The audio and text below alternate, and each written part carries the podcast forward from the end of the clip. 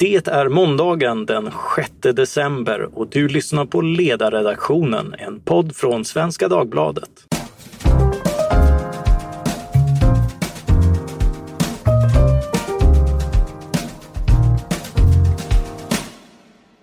Jag heter Mattias Svensson och dagens ämne är folklig resning mot revolutionärerna vid makten på Kuba. Ja, som en del kanske har kunnat följa i nyheterna har det flera gånger i år förekommit folkliga protester på Kuba, trots att landet sedan 1959 är en kommunistisk enpartidiktatur. Varför protesterar folk? Hur protesterar man i en diktatur där staten kontrollerar alla medier? Och hur är det att växa upp i den sortens samhälle? Med mig för att diskutera detta har jag My Lady Fogstedt som arbetar med kommunikation och är chefredaktör på tidskriften och ursäkta min brist på spanskt uttal här. Michelanias de Cuba som följer utvecklingen på Kuba. Välkommen! Tack så mycket! Och Lazaro Iglesias som vuxit upp på Kuba men nu bor och arbetar i Sverige. Välkommen du också! Tackar, tackar! Om jag börjar med dig Malady och frågar vad är det som hänt nu i år? Varför protesterar folk och vilka är det som protesterar? Här är det viktigt att tänka på tre saker. Egentligen började det exakt för ett år sedan, den 27 november eh, 2020, när över 200 kulturarbetare eh, protesterade utanför kulturministeriet i Havanna eh, och krävde yttrandefrihet artistisk frihet. Efter det, det här började med San Isidro-rörelse i Gamla stan. Efter det så eh, hade kommit upp nya organisationer, till exempel Archipelago, som manade till eh, demonstration den 15 november. Den personen som var eh, framför, eh, som ledde det här upproret eh, det slutade med att han lämnade landet för Spanien. Och det finns olika tolkningar i det här. Det finns folk som säger att han svek dem, eh, att han såg en möjlighet. Min tolkning är att han blev landsförvisad på något sätt och att han kände sig, det fanns till exempel utländsk press utanför hans hem. De blev slagna och utvisade. Eh, många, han var själv i husarrest. Han försattes i husarrest. Och sen till slut så, så valde han att lämna landet som ett enda alternativ. Samtidigt som nu precis i, i helgen, eh, i fredags, så blev det ett år sedan demonstrationerna började. Regeringen har tagit på sig hårdhandskarna. Eh, det har varit misshandel, arrest, politiska fångar som är inkommunikado. eh, som eh, Säkerhetspolisen försöker förgöra med psykisk tortyr. Och även till exempel inför 15 november, då tog regeringens styrkor ut på gatan, militärerna, och försäkrade sig om att att inte riskera att det kunde bli demonstrationer. Om, om jag tar dig Lazaro, hur har du eh, upplevt de här demonstrationerna? Uh, jag, jag, jag bor här i Sverige och uh, det som jag, uh, informationen som jag får här i Sverige i det praktiska det som jag kan se på nätet. Sociala medier och, och kanske några oberoende tidningar som, som dyker upp här och där och, och då kan man läsa lite grann om vad är det som händer egentligen. Eh, jag tycker att eh, det är klart att eh, folk vill visa sitt missnöje på något sätt. Folk kanske är trötta på situationen. Det finns ont om mat, det finns ont om mediciner. Folk kan inte rösta för något annat parti än det kommunistiska partiet som, som, som har lett landet sedan 1959. Eh, och det är klart att de, de är trötta. De vill något annat helt enkelt. Är det något särskilt som har gjort att, eh, att eh, protesterna utbryter just nu eller är det någonting som har byggts upp länge? Jag tror att det är blandat. Så de nya generationerna de tror inte på, på det som, som de har att erbjuda helt enkelt. Det, det är kanske de gamla som kommer från andra tider och, och så men, men de nya generationerna kanske vill se något annat. Eh, ja, jag tror att det, det, det är blandat. Det är blandat. Det är både eh, det som har hänt tidigare plus det som händer idag. Till exempel, jag tror, jag tror att corona har gjort att allt har eh, blivit eh, eh hårdare. Mm. Vad är det konkret man har, man har tröttnat på? Uh, I min tycke är det den ekonomiska situationen. Säkert för många den politiska också. Men den, ekonom, den ekonomiska, den, den, är, den är outhärdlig. Det, det går inte att, att bo på Kuba. Det, det har blivit sämre Mycket ekonomiskt sämre. under? Ja. Mycket sämre. Och det, eh, eh, har det accelererat under, under covid då med? Eh, ja, jag tror det. Alltså, Kuba, Kuba är ju ett land som är väldigt beroende av turister. Eh, med alla restriktioner och, och eh, vet, det finns ingen som vill resa lika ofta som förut. Och, eh, hur tar sig de här protesterna uttryck? Hur protesterar man i en diktatur? Det har dels varit demonstrationer men det har också funnits eh, sånger och annat som, som blivit betydelsefulla. Om, om jag vänder mig till dig Malady. Mm. Ja, eh, en viktig sak i, i det här sammanhanget det eh, Kom ihåg att 75 procent av Kubas befolkning är yngre än 50 år kanske, någonting sånt. Kuba får inget nytt blod, det är ingen som immigrerar till Kuba. Det är snarare så att Kuba tappar befolkning för varje år, för det är ingen som vill bo kvar. Och visst eh, spelar den ekonomiska situationen roll, men efter 62 år med samma gamla eh, låten, liksom. Den ständigt pågående revolutionen. Precis, och utan resultat. Folk tröttnar. Och de tröttnar också därför att regeringen säger en sak, uppmanar dem att eh, uppoffra sig för allting, men de lider inte själva. De här, om man tittar på eh, nomenklaturens barn, de har studerat i utlandet i de bästa universiteten. De har eh, lyxjakter, de har eh, stora hus, stora bilar, Mercedes-Benz för 500 000 dollar. Ingen kuban kan drömma om det. Så det går inte ihop vad de begär av befolkningen och vad de själva, så som de själva lever. Mm. Jag tänkte kanske lite mer på, på hur, hur, hur sker protesterna Eh, i, i en diktatur? Du nämnde innan när vi pratade eh, inför det här sociala medier och dess betydelse. Ja, sociala medierna har kommit som en skänk från ovan för kubanerna. Eh, för att tänk er fram till eh, 1900, nästan 2000-talet varför hade inte kubaner internet? Ingenting alls. Och sen kanske 2003 så kom Twitter och det blev eh, Kuba kunde inte stänga ute helt och hållet utvecklingen.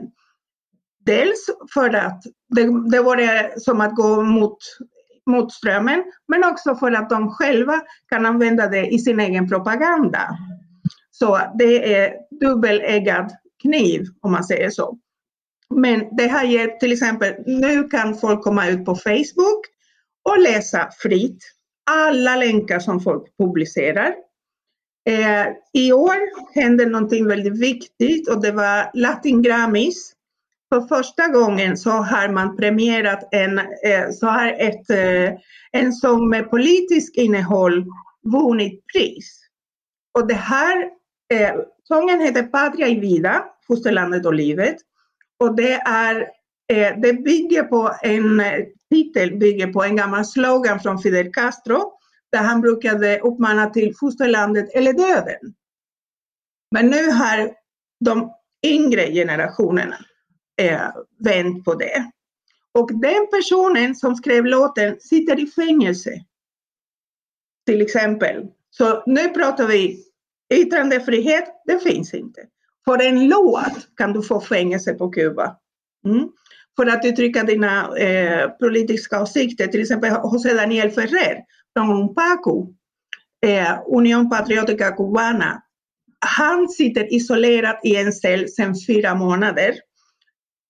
Kuba har alltid varit väldigt intelligent. De drar inte ut dina naglar, de, du får inte stryk, kanske. Men ingenting som ska visas, men det är alltid den psykologiska terror.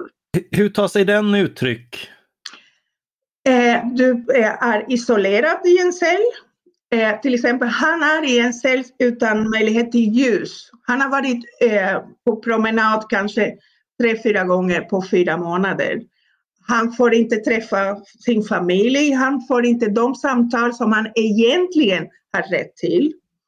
Och de, eh, läkaren vill skriva ut en eh, antidepressiv medel.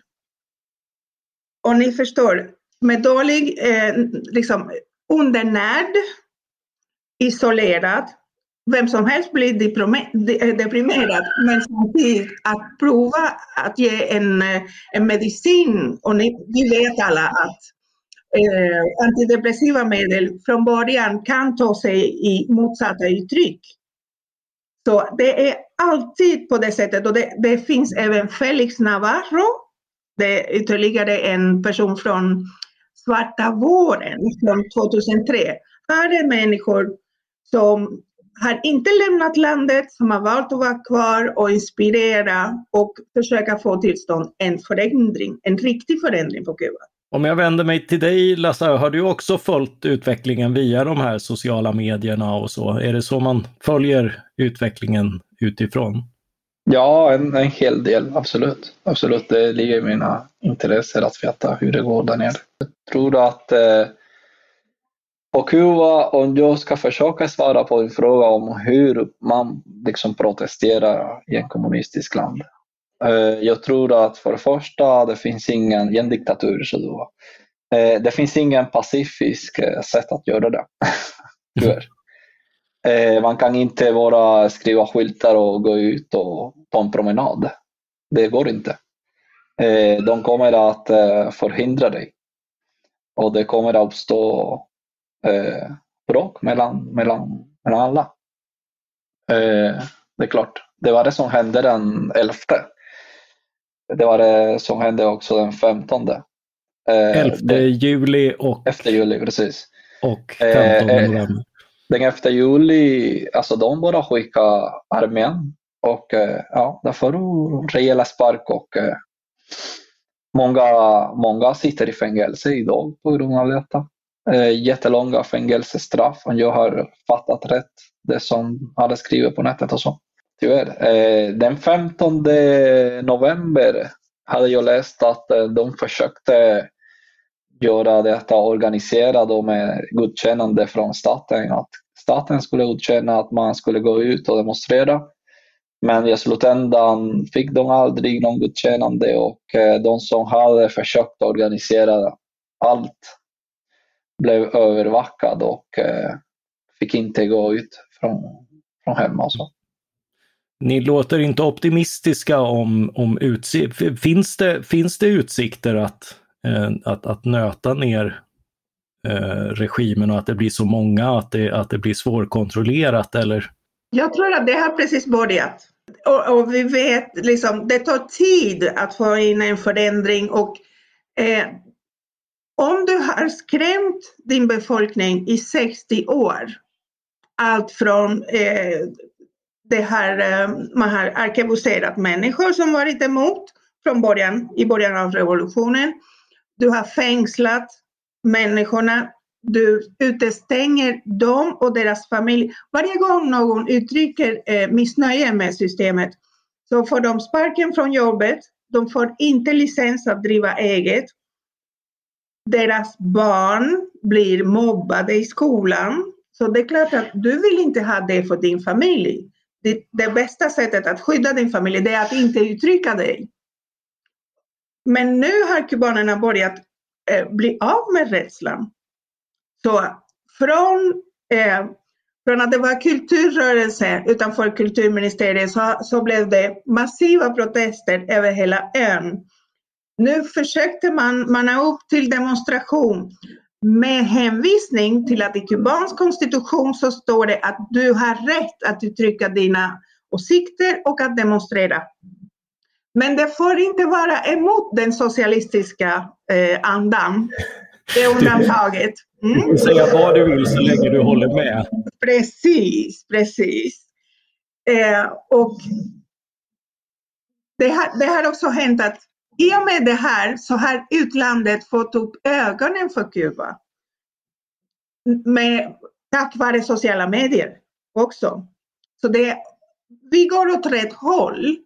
Och folk får också möjlighet att lära sig om världen, demokrati, rättigheter eh, som de själva förtjänar också som människor. Mm. Så att det, man har väckt en, eh, en nyfikenhet och sen folk är arga. 62 år, eh, det, det räcker. Det räcker. Mm. Är du lika optimistisk Lazaro? Tror du att vi är i början av någonting som, eh, som kan växa?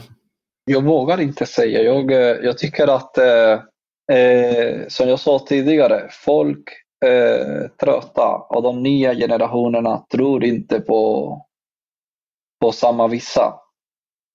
Mm. Eh, de, de vill något annat. Det står i händerna på de nya generationerna. Eh, de gamla har redan blivit indoktrinerade. Så det, det är svårare för dem att äh, agera, att göra något. Mm. inklusive mig. Det är därför jag är här i Sverige och inte där och protesterar. Ja, ni är båda uppvuxna på Kuba och har egna erfarenheter av, av diktaturen. Och, eh, kan, kan, ni berätta något ur, ur, om, om vardagen och, och, vad som får en att välja just det här som många kubaner har gjort, att rösta med fötterna, att, att välja att, eh, att, att leva någon annanstans därför att man inte kan förverkliga sina möjligheter där. Hur, hur såg det beslutet ut för dig, Lazaro? Alltså, jag växte upp eh i fattigdomen. Eh, fattig. Ibland fanns det inte att äta, ibland, eller nästan aldrig fanns det fina kläder eller det fanns inga lyxer. Eh, det, det, var bara, alltså det, du vet, man växer upp fattig. Eh, och då när man är barn tänker inte man speciellt mycket på, på hur man lever egentligen.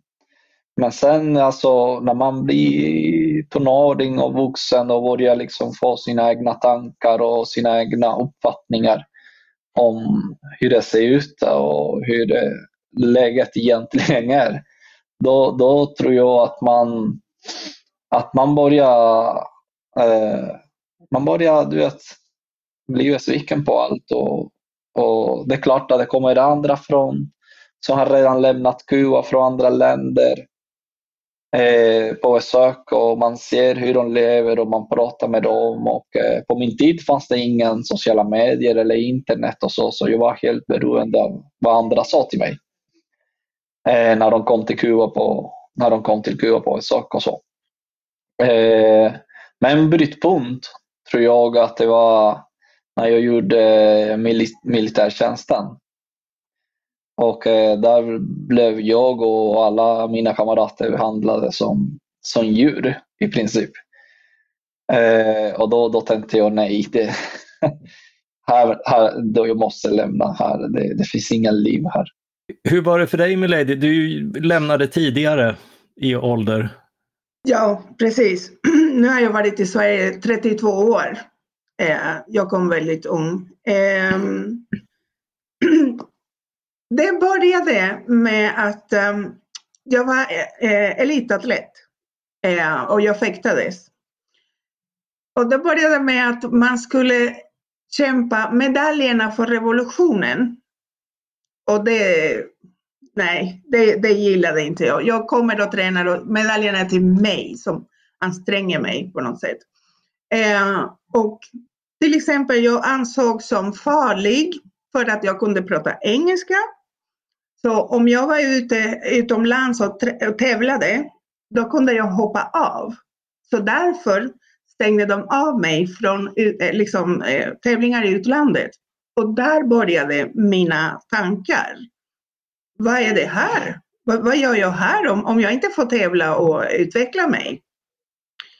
Eh, och sen, där började mina liksom, medvetandesproblem. Sen ekonomiska problem, de har alltid funnits. Jag tänker alltid på, för att ge perspektiv, vi hade rätt att köpa tre leksaker per år. Och det kom tre ett lotteri. leksaker per år? Tre leksaker per år. Det, det kan ge vilk, vem som helst perspektiv här i livet.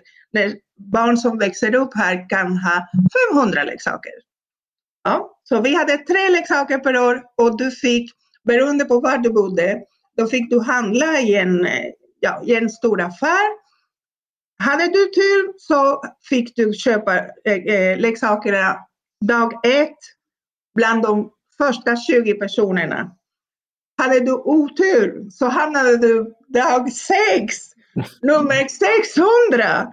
Det fanns nästan ingenting kvar att köpa. Så det, kubanerna är traumatiserade redan då. Inga leksaker. Eh, jag minns tydligt att eh, ibland finns det verkligen ingenting att äta. Ibland fanns det verkligen ingenting att äta. Alltså bröd med olja. bröd med rapsolja och vitlök eh, var måltiderna ibland. Och eh, sen när jag kom till Sverige, jag tror att det, det, det ligger här någonstans att eh, det ska alltid finnas mat hemma. Så jag har, alltid, jag har alltid kylskåpen full med mat. jag tror att äh, det, det är sådana såna saker som, som påverkar en helt alltså, otroligt. Så. Hade du några tre leksaker per år? Nej, nej. Nej, då, på din tid var det slut. ja, på, min, på, min tid, på min tid fanns det inga leksaker alls. Eh, som, tur, som tur hade jag min moster här i Sverige. Eh, som kunde komma då och då med, med fina saker. Men annars, alltså mina föräldrar hade ingen möjlighet att ge mig något alls. Ingenting alls. men, men är det inte så att eh, tanken med planekonomin är att, att man ska garanteras eh, dels jämlikhet och dels liksom ett, eh, tillgång på sjukvård och, och skola och, eh, och förnödenheter och annat. Mm. Hur, hur har det varit? Jo, jag, jag, tror, jag tror eh, verkligen att det var planen. Men att göra, alltså att förverkliga planer, det är en annan sak. Eh, och, och Kuba var hela tiden helt beroende av andra länder som kunde hjälpa till för att Kuba klarade, klarade sig inte själv. Kuba producerar ingenting och Kuba bestäm, de bestämde sig för att till exempel bara plantera sockerrör till exempel. Och då var det enda som fanns på Kuba. Alltså hela, hela produktionen av mat stannade. För att de, de tyckte att det var kanske bättre att producera socker. Så de kunde sälja sen och köpa mat med de pengarna. Jag, jag vet inte riktigt hur det var men någonstans där eh, förlorade de alltså, du vet, eh, sinnet för eh, ekonomi och, eh, och sen det, vi pratar om kommunism. Det finns inte i en kommunism, en diktatur, leder land, landet de som tror på systemet, inte de som kan leda systemet. Alltså, det, förstår du vad jag menar? Får jag korrigera det? det de som låtsas tro på systemet, de som skonas. Eh, liksom, eh, de, de, som, eh, ja, som drar nytta av det. För att du vet eh, Lazaro, att det är så mycket som inte stämmer. Det är demagogi från klockan sex på morgonen till klockan tolv på natten. De säger alltid en sak på, eh, i tv och de gör inte, de säger gör som jag säger, inte som jag gör. Till exempel, det här med embargo och blockader. Varför ska Kuba behöva hjälp hela tiden? För att de är inkapabla, inkompetenta att leda ett land. Kuba är ett land där du slänger en frö och en vecka senare så har du en planta. Varför ska Kuba behöva importera mat? Kuba importerar kyckling från USA. Varför ska det behövas? Dessutom, där faller hela myten med blockaden, med embargo. Kuba köper i Panama varje vecka för att förse tur turismindustri, hotellen. Eh, Panamakanalen, det tillhör USA. Men Kuba får ändå handla där. Kuba har också hittat på nya metoder att håva in eh, hårdvaluta. Till exempel eh, remitteringar, så du kan skicka till familjen så familjen har någonting att äta. Men numera får inte familjen i hårdvaluta utan de får ett kort där de kan handla i en affär. MLC-affärerna. Där priserna är, ja, som Sverige eller högre. Vi pratar om att en medianlön på Kuba nu är mellan 400 och 600 pesos.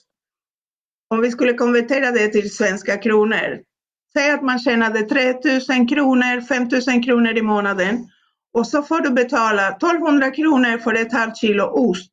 Inflationen är otroligt hög. Det här är också en sak som påverkar till exempel pensionärerna, de människorna som har trott på systemet. Så där, det finns, det är inte bara det ekonomiska, det finns också de facto politiska skäl till varför folk är missnöjda. För att politiken har gjort att ekonomin inte funkar. Människor kan inte planera sin framtid. Du kan inte ta ett lån för att starta eget företag eller ta ett lån för att köpa en bostad. Bostadsbristen är otroligt hög också. Arbetslösheten. nu gör du en gest här. Ja, i, ja. Är, är, man alltså arbetslös också? Det, det, det, finns inte jobb? Nej, på, på Kuba tror jag att eh, det finns de som är arbetslösa och sen de som låtsas att jobba.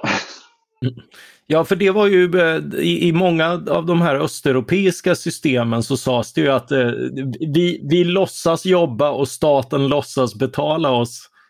Eh, men, men, alla hade ju någon form av uppgift även om eh, och, och, det var snarare att man fyllde fabriker med folk som inte riktigt behövdes. Ja, men, men, men, det finns alltså inte ens eh, låtsasjobb till alla? Nej, Nej. precis. Mm. precis. En, en, annan sak, stämmer det att man får en tårta i födelsedagspresent av staten? jag tror att man Nej, fick. Jag, jag, tror att det, det, var väl eh, mors dag när man fick en tårta. När man fick betala lite mindre pengar för en tårta.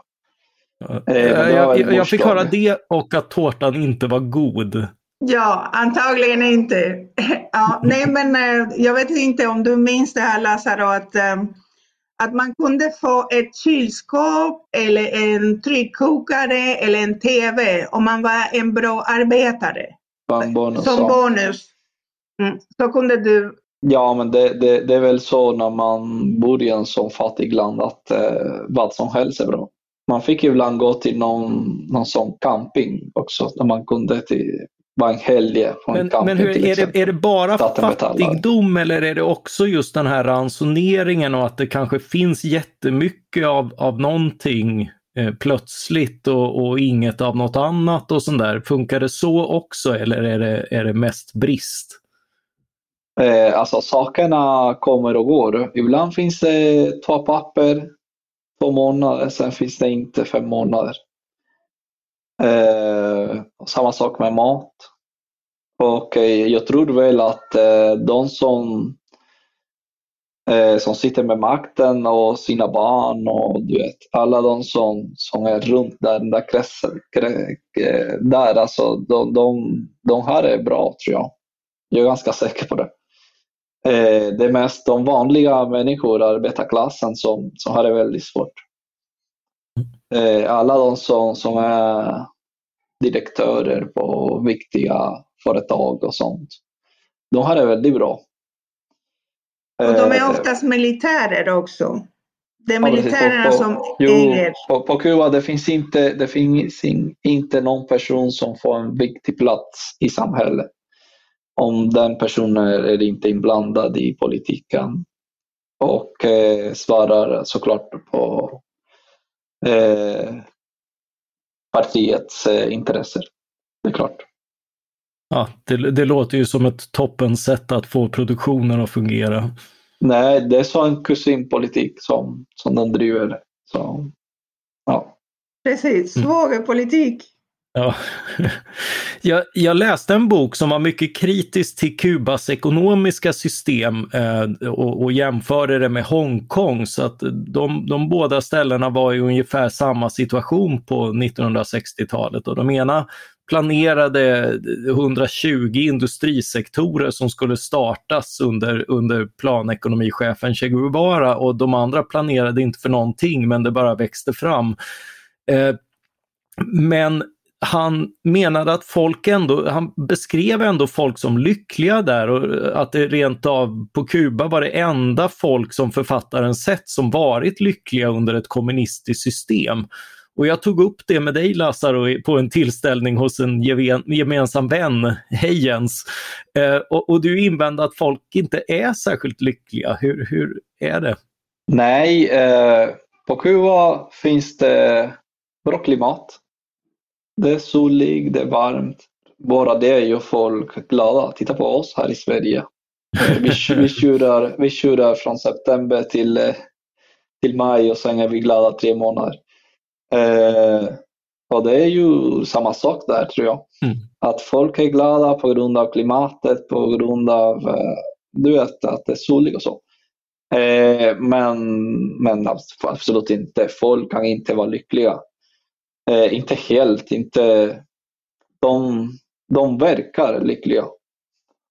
Och det kan man kanske se när man kommer dit en månad som turist. Men skulle man bo hos en familj till exempel som har ingen mat till sina barn, som har inga blådjur, som har inga toapapper, som har inga, inte ens deodorant. Det är klart att man, man är inte lycklig. Det är omöjligt. Det, det är helt enkelt omöjligt. Jag tror att det handlar om överlevnadsstrategi. Eh, förutom att det är fint klimat och du har stranden, det kan alltid rädda dig. Eh, för det är fritt, du kan simma fritt. Eh, men det handlar om att överleva misären. Att psykologiskt överleva misären. Och självmordsantalet är väldigt högt även i unga åldrar.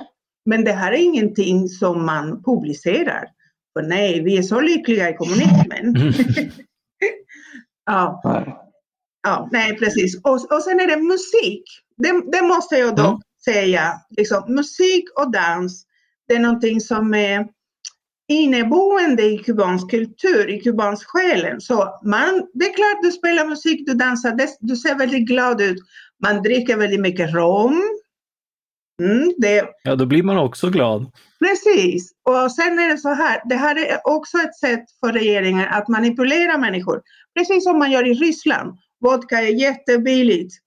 Och, ja, så det är ett sätt att ge folk musik, dans, lite rom. Då blir man glad, då glömmer man sina bekymmer. Mm. Har du inte mat för dagen eller du måste gå flera kilometer för att få ihop en kvällens eh, maträtt. Då är du fokuserad på det och inte på om du kan rösta eller om det finns politiska fångar eller vem som leder. Det, du är fokuserad på att jag måste ge mat till mina barn. Avslutningsvis eh, tänkte jag på det här. V vad är svårast att förklara om ett samhälle som Kuba för en, eh, för, för en svensk? När, när ni ska för, förklara för svenskar, är det, är det någonting som, som, som är riktigt svårt att förklara för, för svenskar? Det, det är många svenskar eh, som har kommit fram och frågat men hur, hur eh, det är på Kuba. Det, så, det pratas så mycket om Kuba, hur det, hur det egentligen där? hur funkar Kuba? Och då, då är det, det är ju, ibland har varit omöjligt att göra det, att förklara så hur, hur det funkar för att eh, det, det är så annorlunda, det, det är så långt ifrån en svensk sam, samhälle som, som man kan komma när det kommer till kubaner. Eh, Vad, vad är det konkret som, som det brukar eh, haka upp sig på? Vad är det folk har svårast att tro? Det där att det inte finns eh, grejer som toapapper till exempel. Jag har pratat med personer i min ålder här och jag har berättat alltså, hur är min uppväxt i jämförelse med deras uppväxt. Alltså, till exempel att de har haft resor, de har, eh, sina föräldrar har alltid haft bil, eh, de har alltid eh, slåssat på du vet, vatten och eh, allt möjligt. Eh, inte ens vatten fanns ibland när jag var liten. Och det är det som de tänker, wow, det, det skulle man inte tro när man pratar med dig. Att du har haft så, så svårt. eh, och jag tror att det beror på mycket på det som du var i tidigare, att eh, man är glad. Det är inte så att jag är traumerad och påverkad och ville slåss med alla för, för, bara för att jag var fattig förut. Utan jag är glad ändå för att det är personligheten som man har ändå. Och de kan inte tro när de ser att jag är en helt vanlig person att jag har haft så svårt ibland. Jag tror att det är det som de tänker, wow, den, den var stark. Ja, det, det kan inte ha varit så farligt. Ja, precis. Och, och för dig, vad är det?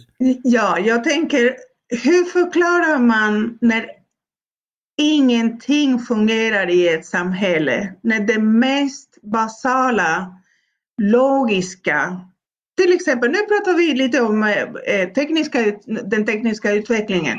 Du kan inte vara uppkopplad hela tiden. Okej, okay, vi pratar nu modern tid. Men om vi går tillbaka, säg 20-30 år tillbaka. Till exempel, det finns odlingar.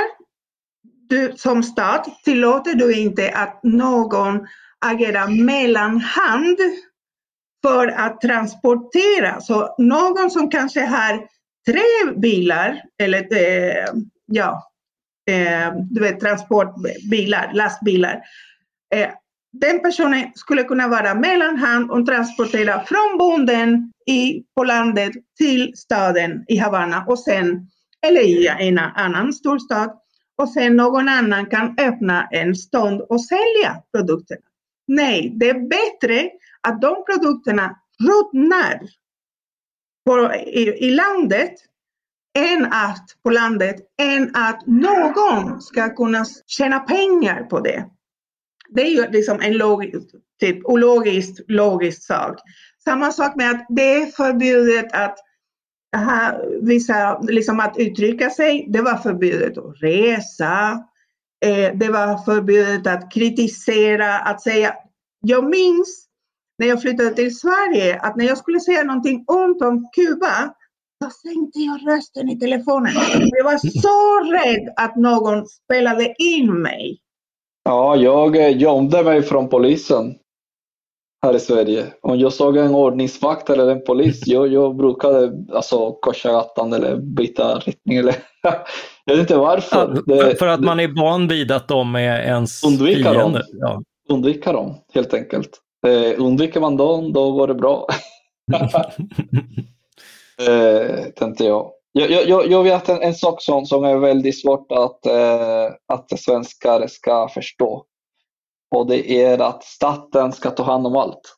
Från logistiken till eh, odlingar som hon sa, till eh, maten som du får på bordet.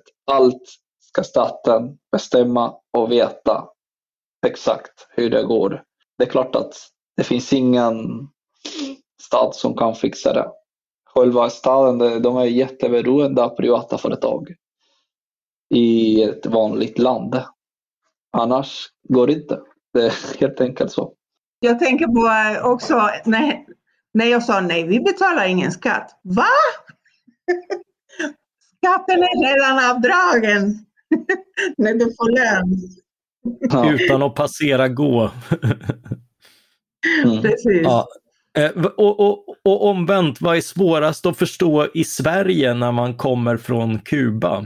Jag, jag har en ganska lustig eh, tanke. Jag, jag minns att eh, vi var ganska vana där nere på Kuba att äta allt i burk. Det fanns burk till allt, alltså fisk, eh, allt. Eh, så när jag kom, då brukar jag handla ganska ofta tonfisk i burk. Och jag var väldigt eh, alltså förvånad att det, att det tar aldrig slut. Jag tänkte, fan, tonfisk, det tar aldrig slut med tonfisk här i det här landet. det finns alltid tonfisk. Eh, hur kan det vara möjligt? För att som sagt tidigare, på Kuba finns det tonfisk kanske tre dagar och sen finns det inte på sex månader. Eh, och jag, jag var väldigt, eh, eh du vet, Sverige det, det ligger hundra år alltså fram i utvecklingen i jämförelse med, med Kuba. Så allt var väldigt svårt. Alla koder som man behöver, personnummer, kod till porten i liksom huset, eh, du vet, eh, kort, betalning, allt. Eh, det var mycket som man inte hade sett. Rulltrappor, hissar. Eh, alltså jättevanligt sedan 30 år tillbaka här, eller 40 år tillbaka. Det var jätte nytt för mig. Jag tänker på, om man jämför Kuba, till exempel vi säger Havanna för att göra det i stad.